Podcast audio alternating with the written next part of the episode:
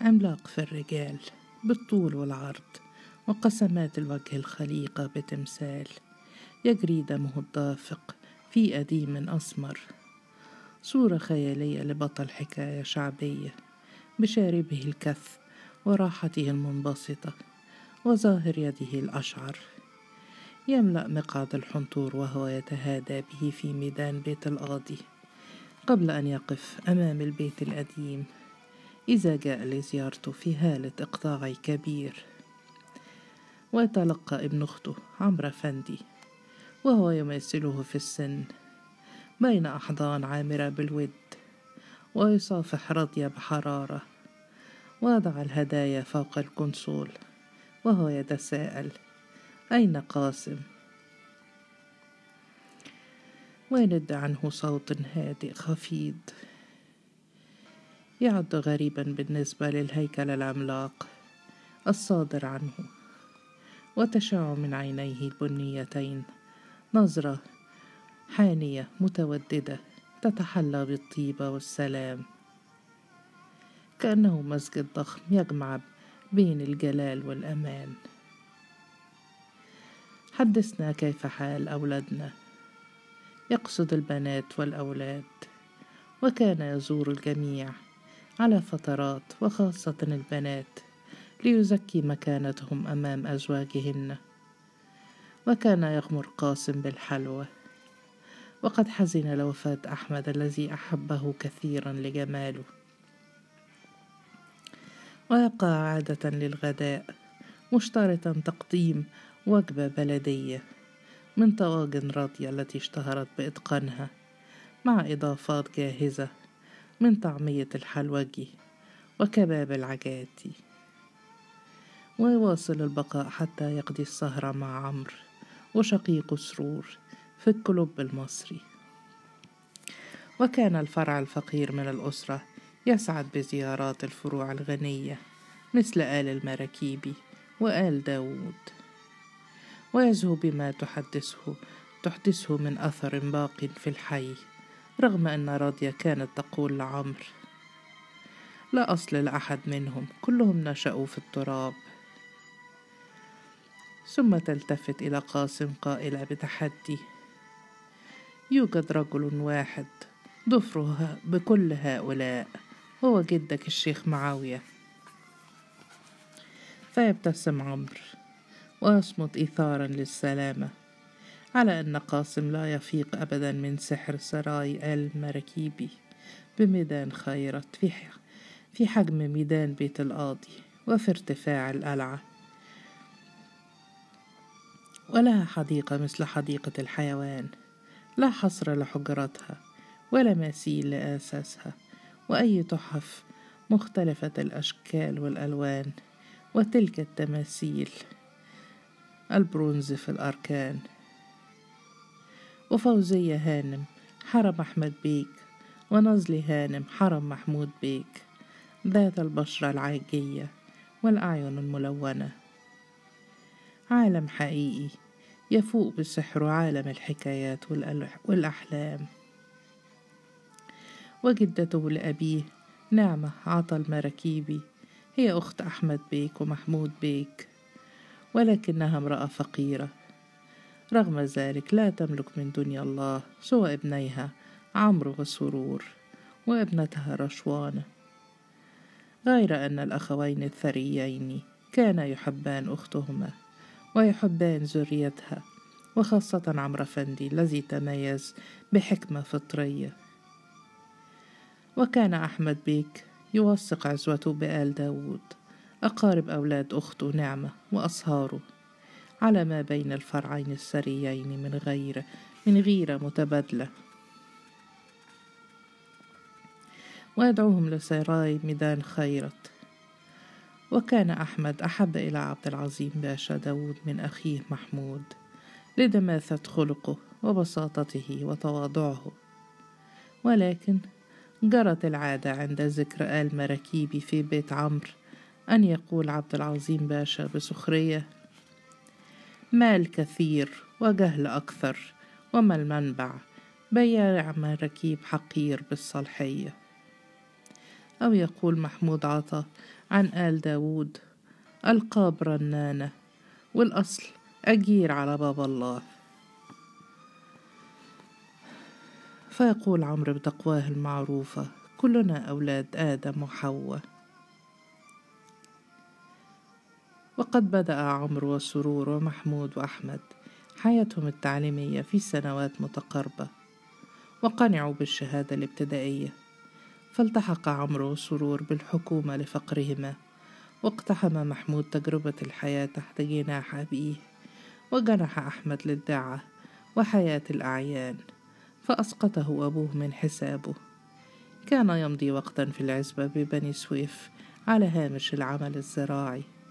ثم يرجع وحده أو هو وفوزية هانم إلى السرايا بالقاهرة بمقامه في الدور الثالث. وينفق وقته بين زيارات الأهل واستقبال الأصحاب.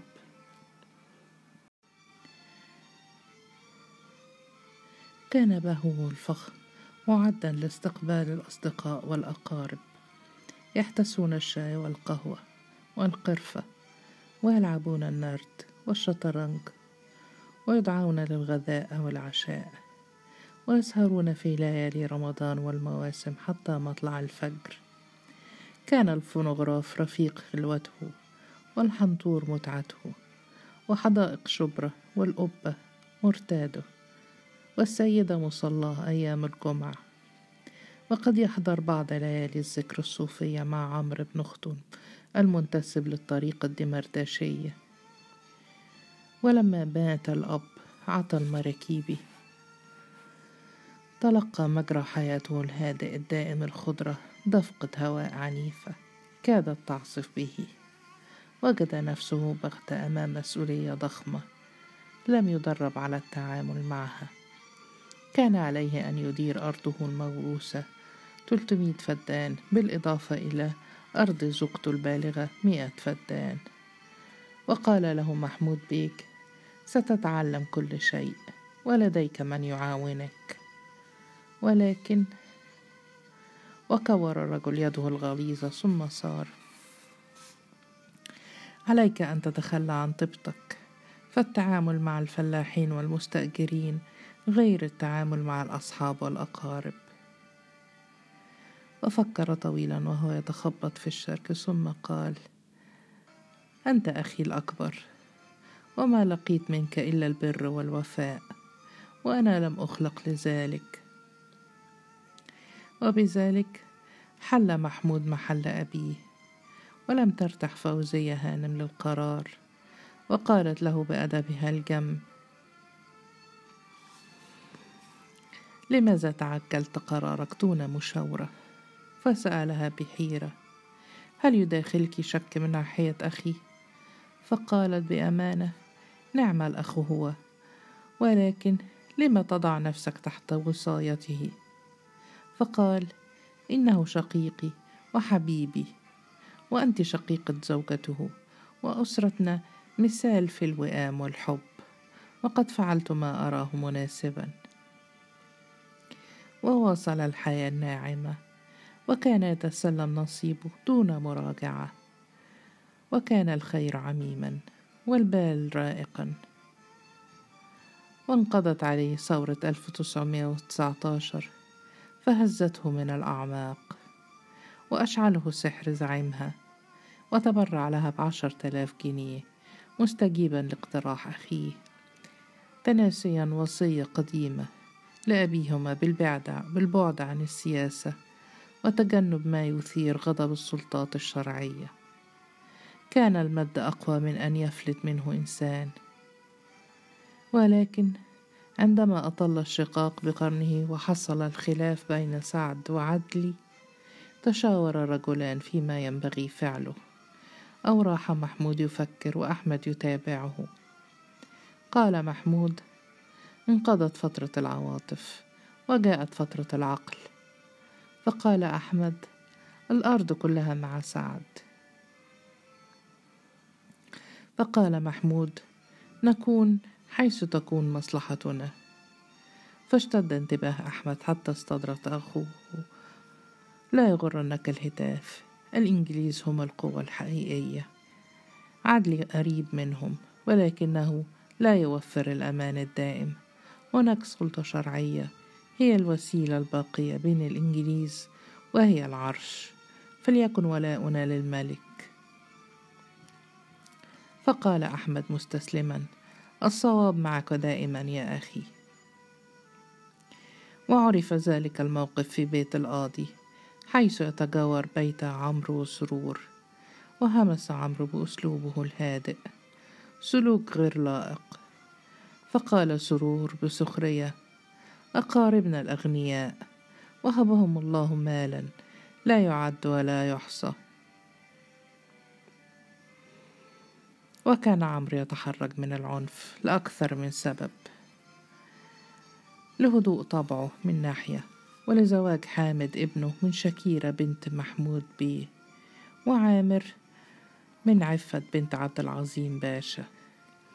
ولكنه لم يخفي رأيه عن خاله أحمد بيه وهو يتعشى معه في السرايا فقال له أحمد باسما علم الله أن قلبي معكم ولكنه رأي محمود.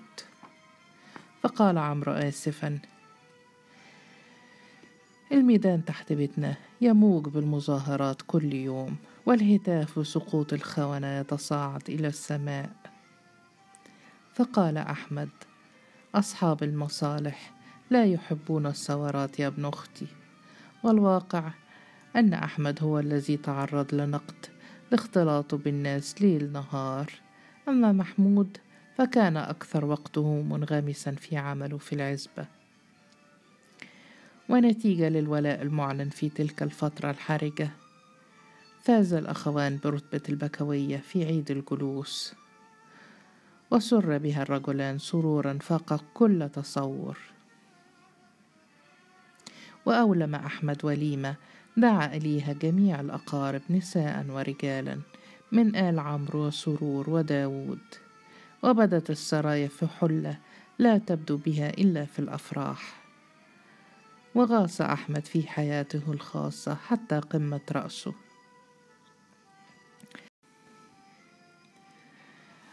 ولم يأذن لهموم الوطن بالتسلل إلى خلوته وتكدير صفوها. ولكن بتقدم الزمن ونمو الأبناء جاءته المتاعب من حيث لم يحتسب. لم يوافق ابنه الأكبر على الوضع الذي اختاره لنفسه تحت وصاية أخيه وخاض نزاعا طويلا عنيدا مع أمه أولا ثم مع أبيه ثانية. ولم يعف أباه من ملاحقته حتى وعد باسترداد حقه الذي تنازل عنه بمحض إرادته. ومن تلك الشرارة اندلعت النيران في أركان الأسرة المتحدة. وانتهز أحمد فرصة زيارة محمود للقاهرة لبعض شأنه وفاتحه في الموضوع على استحياء. وختم حديثه كالمعتذر قائلا الأولاد كبروا لهم رأيهم. أدار محمود ما سمع في رأسه طويلا وهو يتلقى من الغضب أمواجا هادرة. كان قد تطبع بسلطة غير محدودة ومارس في السرايا هيبة تجاوزت أسرته إلى أسرة أخيه الوديع الطيب. كانت فوزية هانم تهابه وتصدع بأوامره على حين تناقش زوجها مناقشة الند للند. وكان ابن أحمد يلتزمان أمامه حدود الأدب والطاعة على حين يتعاملان مع أبيهما بالحب والمرح والحرية. وأفلت الزمام من يد محمود. فقال لأخيه يا لك من رجل ضعيف كيف سمحت لابنك بهذا العبث؟ فاستاء أحمد ولم يشأ أن يفرط في احترام أبنائه له فقال لا ضرورة للكلمات القارصة يا أخي. فسأله بوحشية هل تشكون في ذمتي؟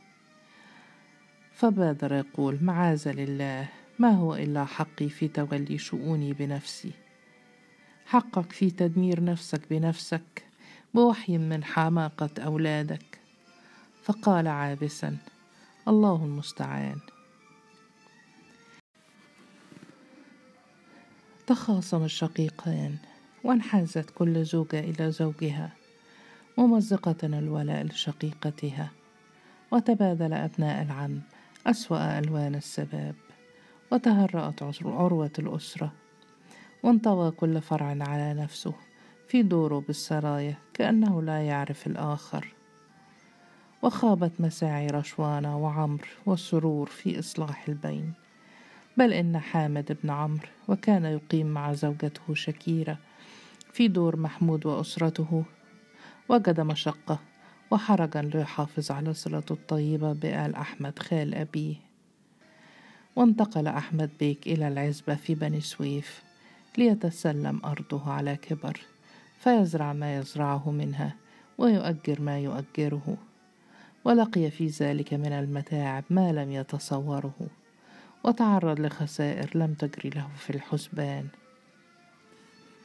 وقبيل الحرب العظمى الثانية بقليل أصيب الرجل وحمل إلى فراشه بالقاهرة في انتظار النهاية. كان أول من هوى من الجيل الثاني العتيد وكانت الأمراض ترشح بقية الجيل للحاق به بطريقة أو أخرى. وكان عمرو ما يزال يقاوم الأجل وفي الحال زار محمود بيك وقال له آن لك أن تنسى الخصام وأسبابه وأن تعود لشقيقك. وصمت الرجل متأملا ثم قال سمة أمور لا تنسى ولكني سأفعل ما يليق بي. وما تدري أسرة أحمد بيك؟ إلا ومحمود بيك يستأذن في الدخول. وجموا ووقفوا له متأدبين وقد دمعت أعينهم وكان بصحبته زوجته وأبناؤه. فتم التصافح وقال للرجل يذهب الشقاق وينسى ويظل القلب ينبض بدقات القربة ومضى إلى أخيه المطروح فوق فراشه بلا حركة ولا نطق. انحنت فوزية هانم فوق أذنه وهمست. أخوك محمود بيه جه يطمن عليك. فانحنى بدوره فوقه. ولسم جبينه ثم استقام وهو يقول العفو عند الرحمن شد حيلك. ورفع الرجل جفنيه الثقيلتين وتبدى عجزه عن النطق. ولكن لم يشك أحد في الأثر الطيب الذي اختلجت به وجنتاه المحتقنتان. وأسلم الروح عند منتصف تلك الليلة الحزينة.